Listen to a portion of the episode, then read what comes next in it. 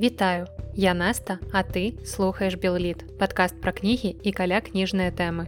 Сёння без аніякіх лірычных адхіленняў адразу пераходзім да тэму выпуску, у якім вас чакае проста неверагодная колькасць кніг. І сёння, як я абяцала, мы будзем здзіўляцца, будзем захапляцца, часам нават трошкі абурацца, а часам мы не трошкі абурацца. І адразу дысклеймер, бо ў гэтым выпуску будзе вельмі шмат згадак слова Беларусія. Таму адразу дзіка выбачаюся, вам давядзецца пацярпець, але што паробіш расійскія перакладчыкі. У мяне ёсць невялікая літаратурная калекцыя, якую я пачала збіраць некалькі гадоў таму. Я я маю на увазе што я збіраю згадкі беларусі ў творах замежных аўтараў і я нават памятаю як гэтая моя калекцыя пачалася якая кніга была першая якая мяне у ну скажем падштурхнула на тое каб записывать каб гэта ўсё калекцыянаваць. І гэта было восенню 2016 года. Я тады чытала дэбютны роман амерыканскага пісьменніка робіна слоуна які ў рускім перакладзе называется кругласутачны кніжны містера пенумбры і дарэчы праз пару месяцаў я акурат пачала працаваць у той кнігарні у якой купляла гэтую кнігу. Вось так працуе кніжная магія і гэты роман як не дзіўна сапраўды пра кругласутачную кнігарню у якую ад безвыходнасці уладкоўваецца наш галоўны герой.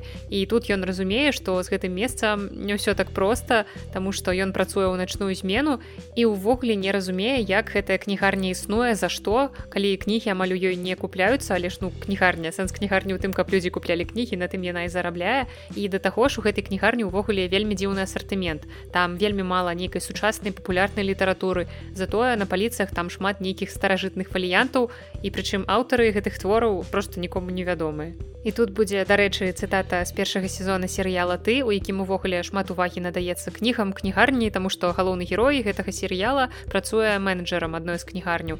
І дарэчы я вам вельмі раю гэты серыял я зараз сама акурат скончыла глядзець третий сезон на сёння гэта апошні сезон і гэта вельмі круто асабліва калі вы любіце кнігі плюс калі вы любіце гісторыі пра забойствы пра маньякаў то гэты серыял вам просто абавязковы для прагляду. Ну і дарэчы сам серыял гэта экранізацыя кнігі карален кэпнас і яе працягу. Першая кніга называется ты потым новая ты потым третья частка я уже не памятаю як называлася. Я чытала толькі першую і ну гэта не тое на што варта траціць час.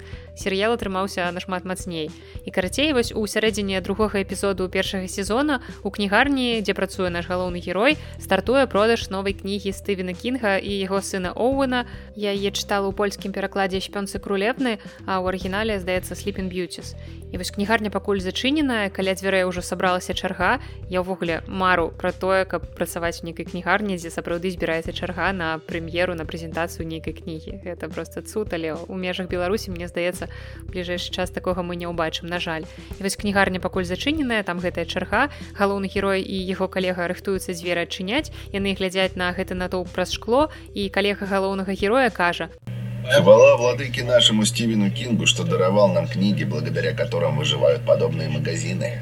Ну а вось у кнігарні пенумбры такое не назіраецца і разам са сваімі сябрамі галоўны герой кнігі кругласутачны кніжны містера пенумбры вырашае высветліць што з гэтай кнігарні не так што не так з яе ўладальнікам і як яму далей там працаваць кніга цікавая яна для аматараў кніг пра кнігі з атмасферай кнігарні але паколькі тэма рамана звязаная з сучаснымі тэхналогіямі і гэта я не пра кнігі.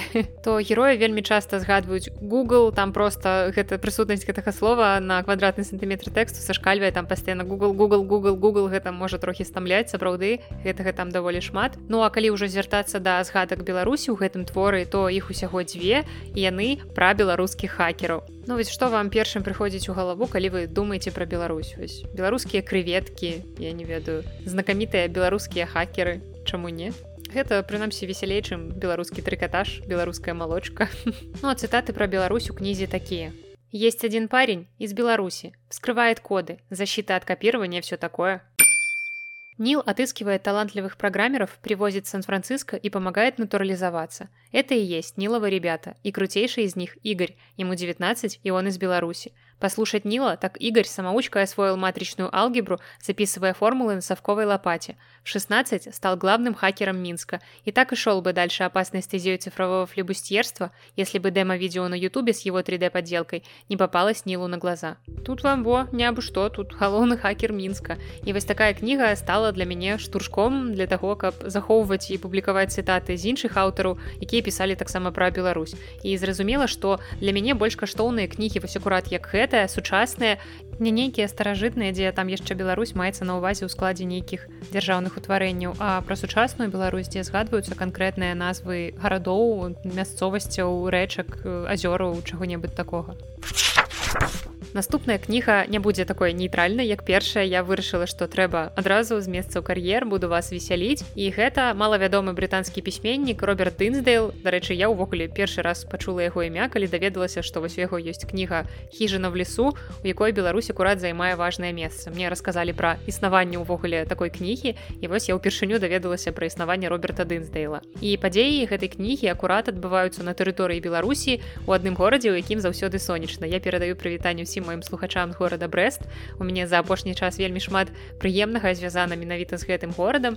І гэта брест там разам з дзедам застаецца жыць хлопчык алік паводле сюжэту кнігі маці якога памерла. І таму вось ён застаўся з дзедам а маці крэміравалі і прах закапалі ў белавескай пушчы побач з хаткай дзе раней жылі бабуля і дзядуля хлопчыка. І вось там у пушчы калі хлопчык і дзядуля закопваюць скажем так парэшткі маці на дзеда навальваюцца ўспаміны і таксама на яго ўплывае такая гэтая змрочная атмасфера пушчы і ён разам з унукам нічога не знаходзіць лепш чым застацца ў гэтым лесе у гэтай хатцы але з кожным днём дзядуля ўсё больш губляе чалавечае аблічча. І магчыма гэтая кніга задумвалася як нейкая такая містычная атмасферная ён яшчэ памясціў герояў нібыта ў такую экзатычную краіну якой мала хто ведае.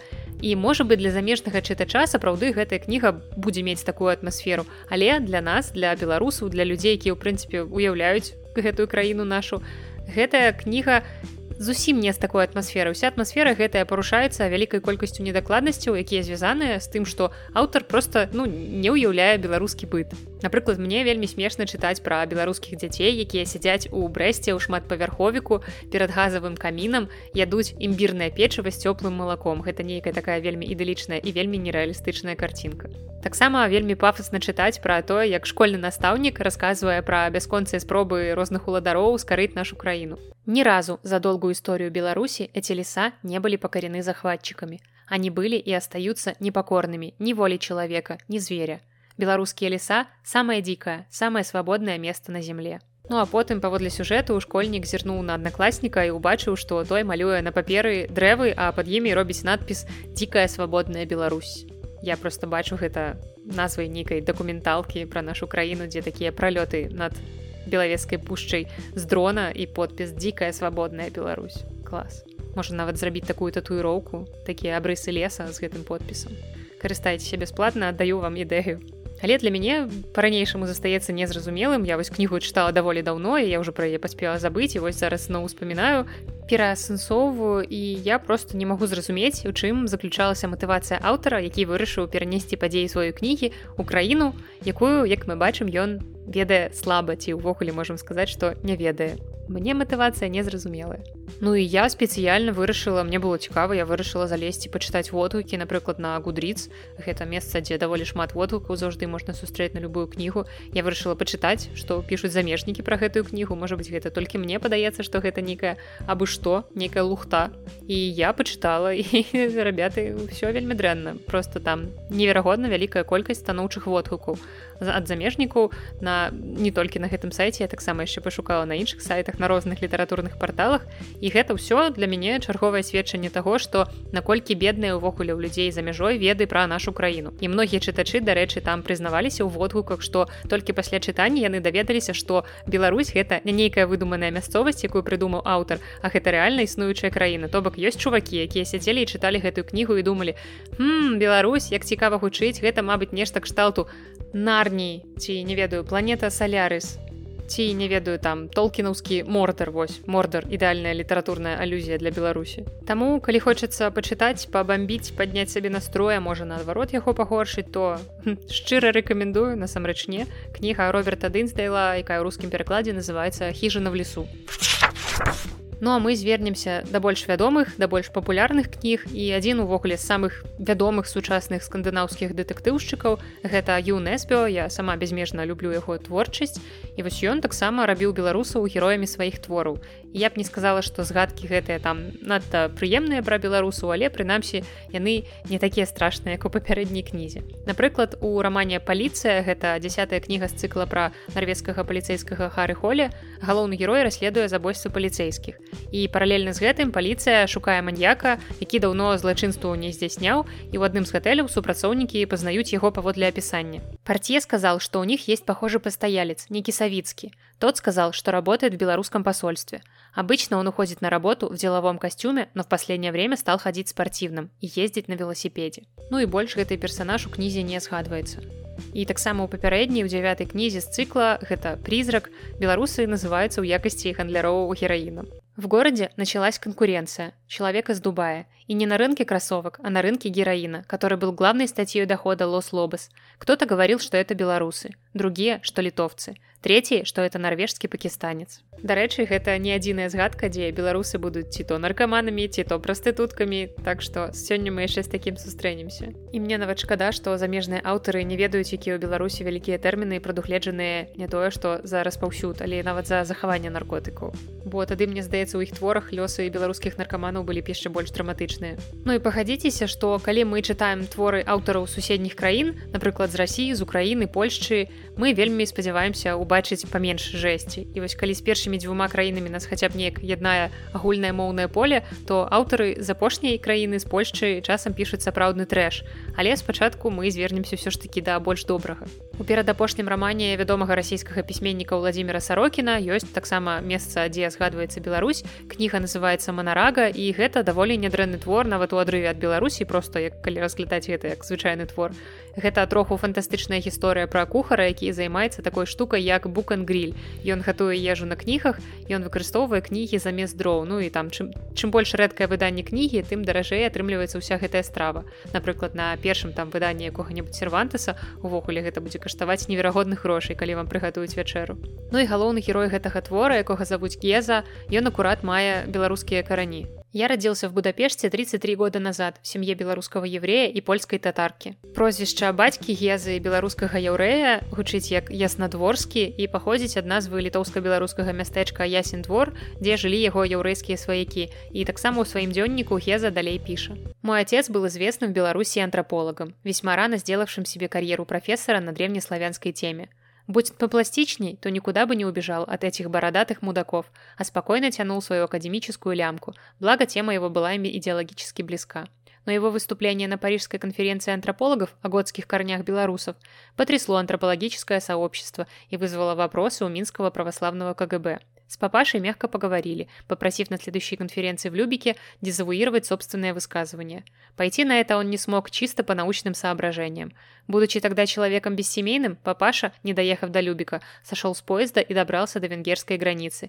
Почему он не остался в Пруссии? Внятно объяснить это отец мне не мог. Отшучивался, чтобы не встретиться с твоей мамой. На самом деле просто его знал и любил ректор Будапештского университета, и кафедра антропологии сразу же дала ему профессорское место – Свои лекции он читал по-английски. Дома мои родители говорили исключительно по-польски. По-русски и по-белорусски отец только ругался. Все ж мы ведаем, что французская – это мова кахання, а беларуская мова – это мова лаянкі. На ёй же так прыгожа лаецца, каб вас качкі потапталі. Ну а далей у гэтым творы нам таксама яшчэ сустрэнуцца беларускія лесбіянкі. Я раз зажарил голубя на ахматовской поэме без героя для двух белорусских лесбиянок – Со стонамі они паедалі его голымі на ложе. Таксама я знаходзіла беларускі след і ў іншай больш ранняй аповесці аўтара, якая называется дзень апрічніка. Там адзін з герояў удзеліць рассію. Восток японцам, Сібірь кітайцам, Краснодарскі край хахлам, Алтай казахам, Псковскую область эстонцам, Навгародскую беларусам Яшчэ адзін сучасны і зараз вельмі папулярны расійскі аўтар Яўген вадаласкін таксама радуе сваімі згадкамі беларусі. Напрыклад галоўны герой яго перадапошняга рамана брисбен музыка які падчас выступлення на сцэне прэстыжнай канцэртнай залы ў нью-йорку у карнегі холл выконвае купалінку. Шум понемногу стихает не ожидая полной тишины начинаю играть беларускую купалінку звучит только гітара без голоса Дарэчы, два гады таму у лютым вадаласкіны сам прыязджаў Беларусь, ён удзельнічаў у мінскай кніжнай выставе кірмашы і на расійскім стэндзе ён разам з нашымі беларускімі чытачамі акурат спяваў гэтую купалінку. Магчыма самы папулярны ў наш час і самы загадкавы расійскі пісьменнік Віктор Пялевін таксама пра Беларусь не забывае. У яго 15 рамане айфак 10 які ў 2017 годзе выходзіў ёсць эпізадычная згадка беларусі ў сцэне калі адна гераіня апісвае сцяг еўросаюза я кстати знаю как этот флаг утверждали сказала мара Когда Российскую империю, вернее то, что от нее осталось, принимали в Евросоюз, хотели поставить шестую звезду в центр пентаграммы, чтобы именно этих вот аллюзий не было. Но потом решили, что аллюзий будет еще больше, только другого рода. Мол, Россия в центре, а Эстония, Латвия, Белоруссия, Украина и... Что там еще в Евросоюзе? Кажется, Литва. Ну тут дзякуй Пялевіну, што ён увёў нас у гэтую сям'ю еўрапейскіх краін, да якой мы ніяк, на жаль, не можемм дабрацца. Ну і далей там таксама ў кнізе ёсць некалькі цікавых цытат пра Беларусь. Квоты на транзит этих самых ракет были постоянной темой склок на саммитах. Украина, например, совсем не пропускала китайские ракеты, зато сдавала коридоры халифату по демпинговым ценам. Белоруссия, наоборот, старалась договориться с Дафаго.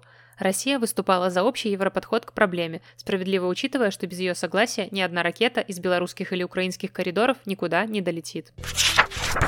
Зноў вернемся да скандынаваў і калі вы чыталі ці глядзелі девушку з татуіровкай дракона шведа сціха ларсена то маглі заўважыць і там беларускі след таксама у гэтым першым рамане трылогіі міленіум галоўная гераіня лізбет саландер працуе ў фірме дырэктар якой драга нарманскі драга нарманскі радзился в харватии 56 лет назад. Его отец был армянскім евреем из беларусі а мать баснійскай мусульманкой греческого происхождения Нядаўна выйшаў беларускі пераклад трэцяй кнігі пра гары потара, а ў пятай частцы пра гэтага хлопчыка можна знайсці згадкі нашай сталіцы.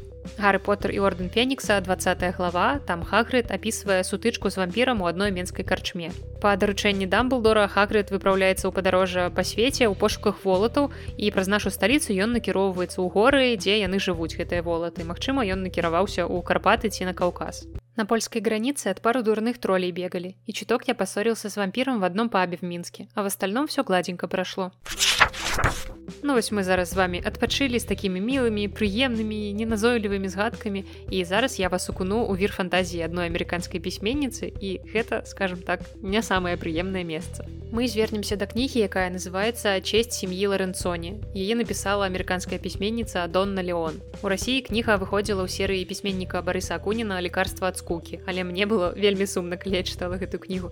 Здаецца, у гэтай серыі выходзіць толькі дэтэктывы, наколькі я памятаю, але ну можа быть я памыляюся. Ну карацей вось гэта такі дэтэктыў, нібыта дынамічны павінен быць такі з італьянскім каларытам, але карацей насамрэч атрымалася проста журавіна на журавіне і журавінай паганяе. Мы звычайна ведаем самыя папулярныя стэеатыпы пра розныя іншыя краіны напрыклад мы ведаем што ну уяўляем што эстонцы марудныя або што ў рассіі там мядзведзі з балалайкамі ходзіць ну не мы канкрэтна але вось нейкія іншыя замежнікі і вось беларусы беларускі ва ўяўленнях замежнікаў яны або наркаманы або прастытуткі і вось на думку донны леон Беларусь гэта яшчэ і выдатнае месца для захоўвання ядзернай зброі і кніга пачынаецца з таго што на поўначы італіі у полі знаходзяць чалавечыя косткі і экспертыза пацвярджае што гэта парэшткі Роберта спадчынніка багатай сям'і Ларэнцоні, якая вось акурат у назве згадваецца.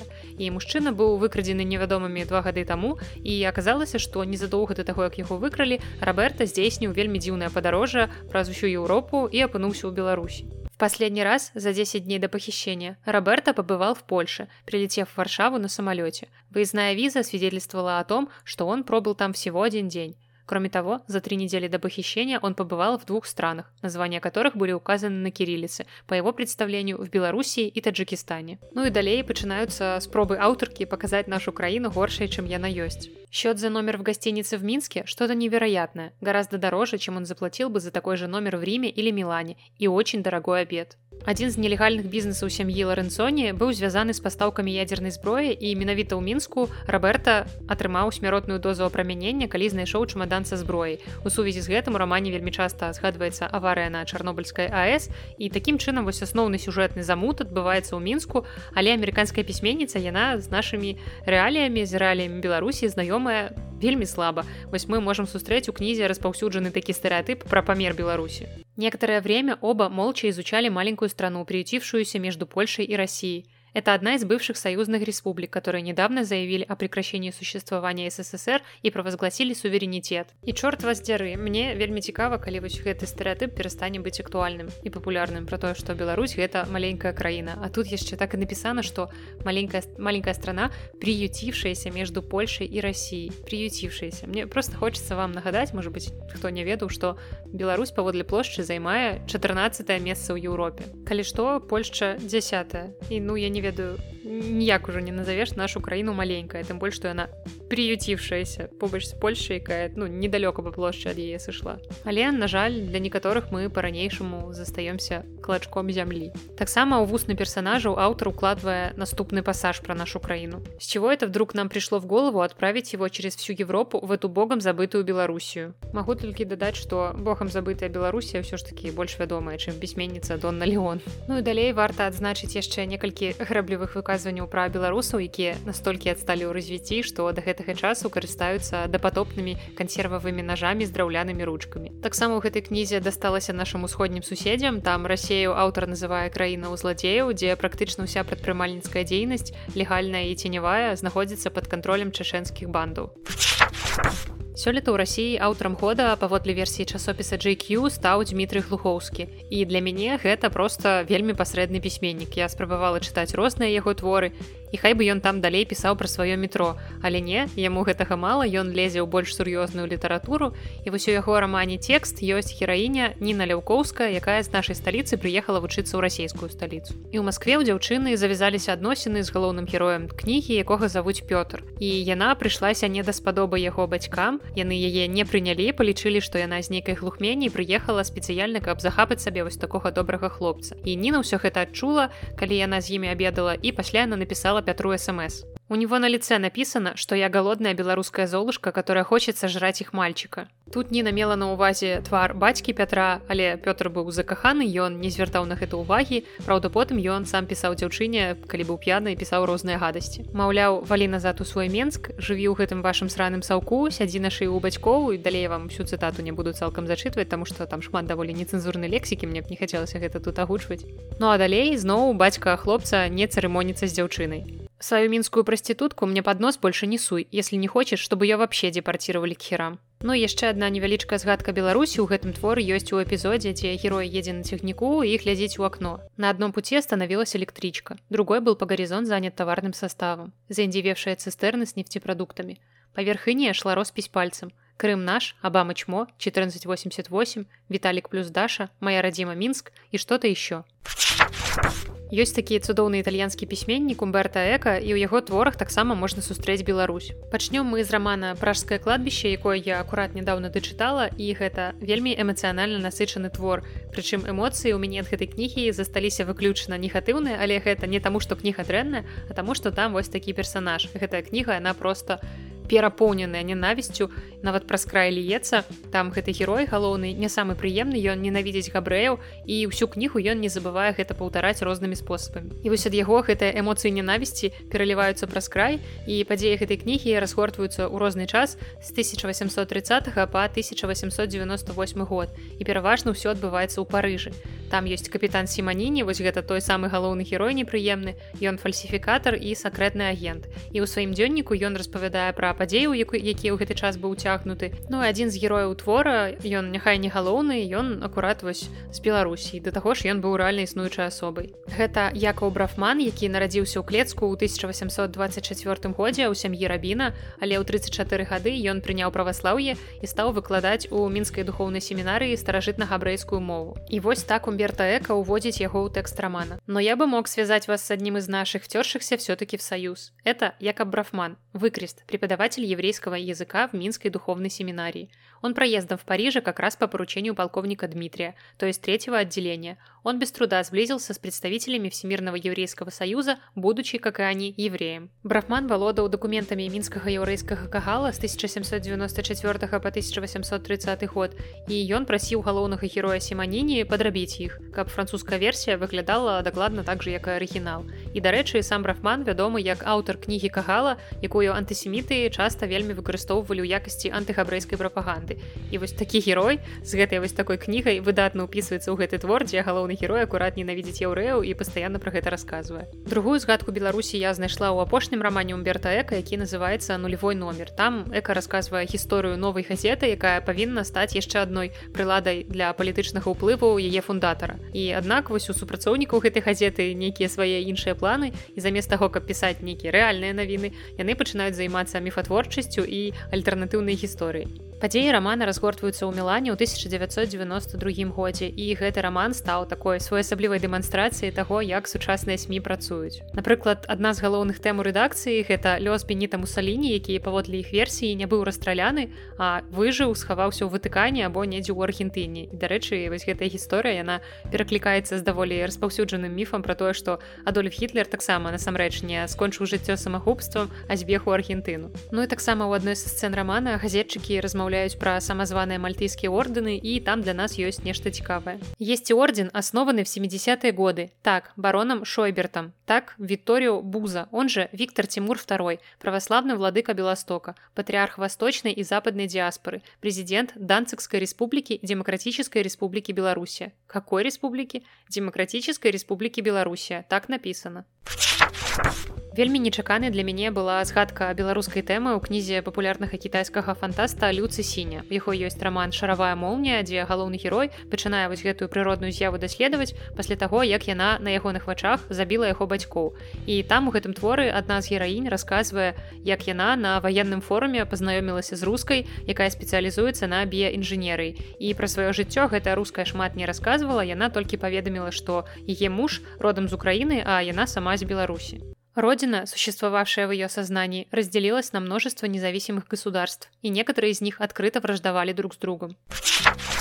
Ну а зараз, як мне здаецца, будзе моя самая любимая частка ўсяго гэтага сённяшняга выпуску, таму што ў мяне ёсць такое хоббі, я шукаю Беларусь канкрэтна ў творах самага вядомага папулярнага сучаснага польскага аўтара і гэта не Анджей сапкоўскі як вы маглі падумаць гэта рэміхі ў шмрус гэты пісьменнік суперпрадуктыўны ён выдае там ледзь не па 5 кніг у год. Усе жартуюць што можа гэта ўжо ўсё за яго піша нейрасетка вельмі даўно як пра пялевіна Праўда пялевін выдае па адной кнізе ў год. А ў гэтага аўтара іх выходзіць некалькі на год. Але факт у тым што ён апошнія некалькі гадоў займае першае месца ў топе самых багатых польскіх пісьменнікаў прычым у яго нават вельмі вялікі адрыў ад другога месца. І дарэчы раз я ўжо пачала гаворку пра польскую літаратуру я ўвогуле адзін адзін з наступных выпускаў хачу прысвяціць цалкам гэтай літаратуры тому што я ў ёй ужо здаецца мне нядрэнна разбіраюся асабліва ў сучаснай я чытаю пра яе чытаю яе ўжо некалькі гадоў і мне там ёсць пра што расказаць можа быть таксама нехта з вас знойдзецца хто цікавіцца гэтым яму будзе цікава паслухаць.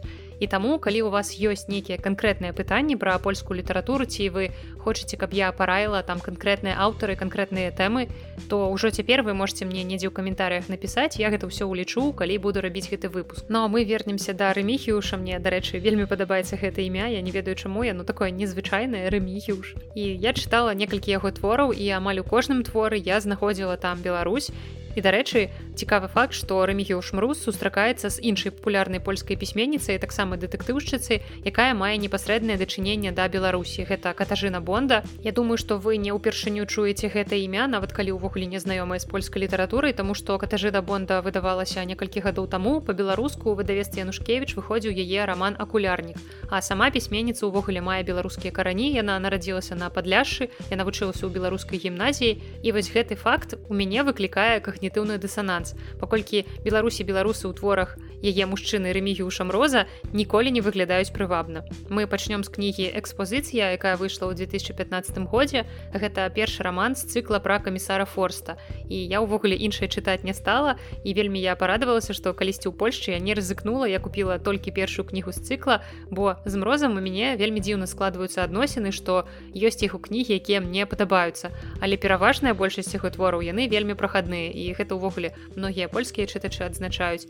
І зразумела што калі ты выдаеш такую колькасць твораў год вельмі складана зрабіць так каб усе яны былі аднолькава якасныя але я тады не разумею для чаго ён гоніцца за гэтай колькасцю навошта ён выдае творы просто пачкамі калі можна выдаваць там раз на год сапраўды але гэта будзе якасны твор І паводле зместу рамана экспазіцыя на горнай вяршыні ў татрах знаходзіць павешанае на крыжы цела і ў горле ахвяры знаходзяць старажытную манету і гэта адзіны доказ, які пакінуў злачынца. І камісар Форст, галоўны герой, пачынае расследаванне і ўцягвае ў яго мясцовую знакамітую журналістку. І іх пошукі прыводзяць да падобнага забойства, якое было здзейснена ў 1991 годзе на тэрыторыі Беларусі. І вось я вам ужо раней у выпуску рассказывала пра тое, што у многіх замежных аўтараў вельмі павярхоўныя веды пра беларусі вельмі такое прадузятае стаўленне але гэта ўсё ж былі пісьменнікі з далёкіх краін напрыклад з Амерыкі з Вкабрытаніі там нейкія іншыя аўтары яны магчыма нават не змогуць паказаць дзе Беларусь на мапе знаходзіцца. Але вось тут у нас выпадак калі гэта аўтар суседняй краіны якому Беларусь чамусьці бачыцца даволі страшным месцам якім увогуле лепш лішні раз не бываць. Я не ведаю ці быў калісьці рымікі ў шмрос у Беларусі падазраю што не. І вось гэтая кніга просто напоўненая стэеатыпамі і вельмі непрыемнымі выказваннямі пра нашу краіну. Напрыклад вось такі дыалог галоўных герояў я працытую по-беларуску ў маім перакладзе. Ты была калі-небудзь у беларусі мяне ніколі туды не цягнула. Думаю не без прычыны. І гэта такая ведаеце просто пагарда на роўным месцы. І далей героі ўсё ж таки вымушаныя наведаць нашу краіну ў мэтах расследавання і мы бачым што гэта для іх вельмі вельмі цяжкае выпрабаванне. Вось чаго варта толькі адно выказванне камісара форста які толькі што нелегальна перайшоў польска-беларускую мяжу пасярод лесу. Праз некаторы час яны ўжо ішлі по беларускай зямлі. Неяк тут у бога сказаў форст Гэта значыць, што польская частка гэтага лесу яго задавальняла, а вось беларуская раптам стала ўжо так сабе. Далей аўтар згадвае беларускамоўных супрацоўнікаў КДБ і піша, што Беларусь не забывае пра камуністычную наменклатуру, а народ памятае, як дзяржава кіруе цвёрдай рукой. І падзеі ў кнізе хаця разгортваюцца ў наш час, але мне здаецца, што аўтар дагэтуль думае, што ў Беларусі карыстаюцца словам таварыш.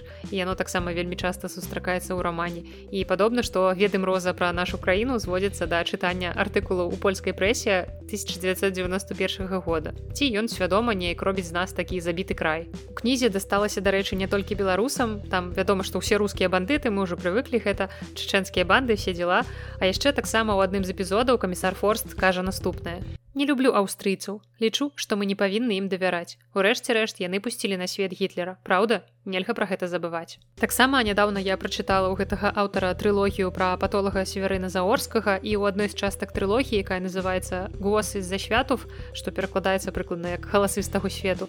Таксама ёсць вялікі беларускі след. Як і многія замежныя аўтары мрус тут згадвае беларусак як дзяўчат лёгкіх паводзінаў. Гэта быў невялікі прыдарожны матэль, размешчаны недалёка ад трасы, якая вяла да тамашава любэ польскага.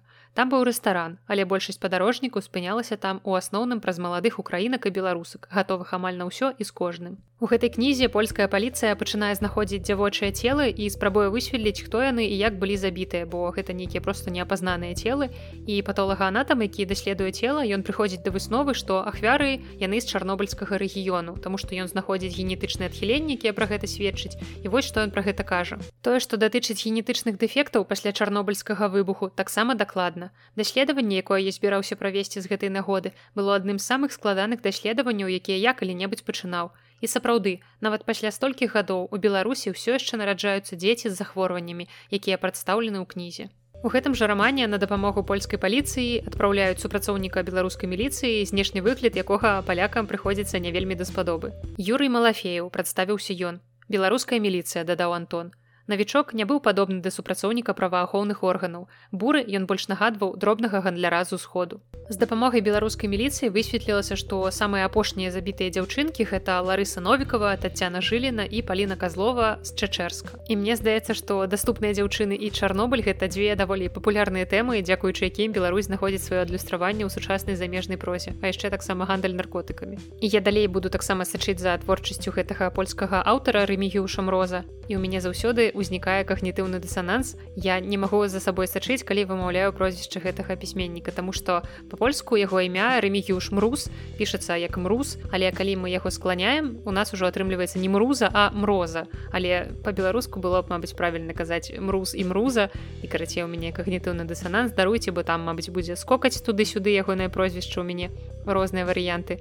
Таму просто ведаеце што вось есть такая асаблівасць прозвішча зноў звернемся да нейкіх больш вядомых аўтараў да больш прыемных згадак. Вось ці ведаеце вы што лі харві освальд той самы забойца прэзідэнта кеннеді пэўны час жыў у менску і працаваў тут на радыётэхнічным заводзе. Я вам магу увогуле параіць на гэтую тэму класную кнігу александра лукашука якая называется след матылька освальд у менску ну і абсалютна не дзіўна што менск з'яўляецца ў рамане стывена кінга 11 22 63 і дарэчы гэта мой любімы роман у стывена кінга там школьны настаўнік вяртаецца ў мінулае каб прадухіліць забойства Джона кеннеді і як я сказала не дзіўна бо і освальд таксама фігуруе ў гэтай кнізе як няхай не самы дакладны але самы верагодны забойца амерыканскага прэзідэнта. І кінг піша што освальд накіраваўся ў рассію 59 годзе. Освальд по-прежнему служил морской пехоте демобилизация ждала его только в сентябре после чего он отправится в россию где попытается отказаться от американского гражданства. Ему это не удастся но после показушной и вероятно липовой попытки самоубийства в московском отеле русские позволят ему остаться в стране на испытательный срок. Он проведет там около 30 месяцев, работая на радиозаводе в Минске. На какой-то вечеринке встретит девушку, Марину Прусакову.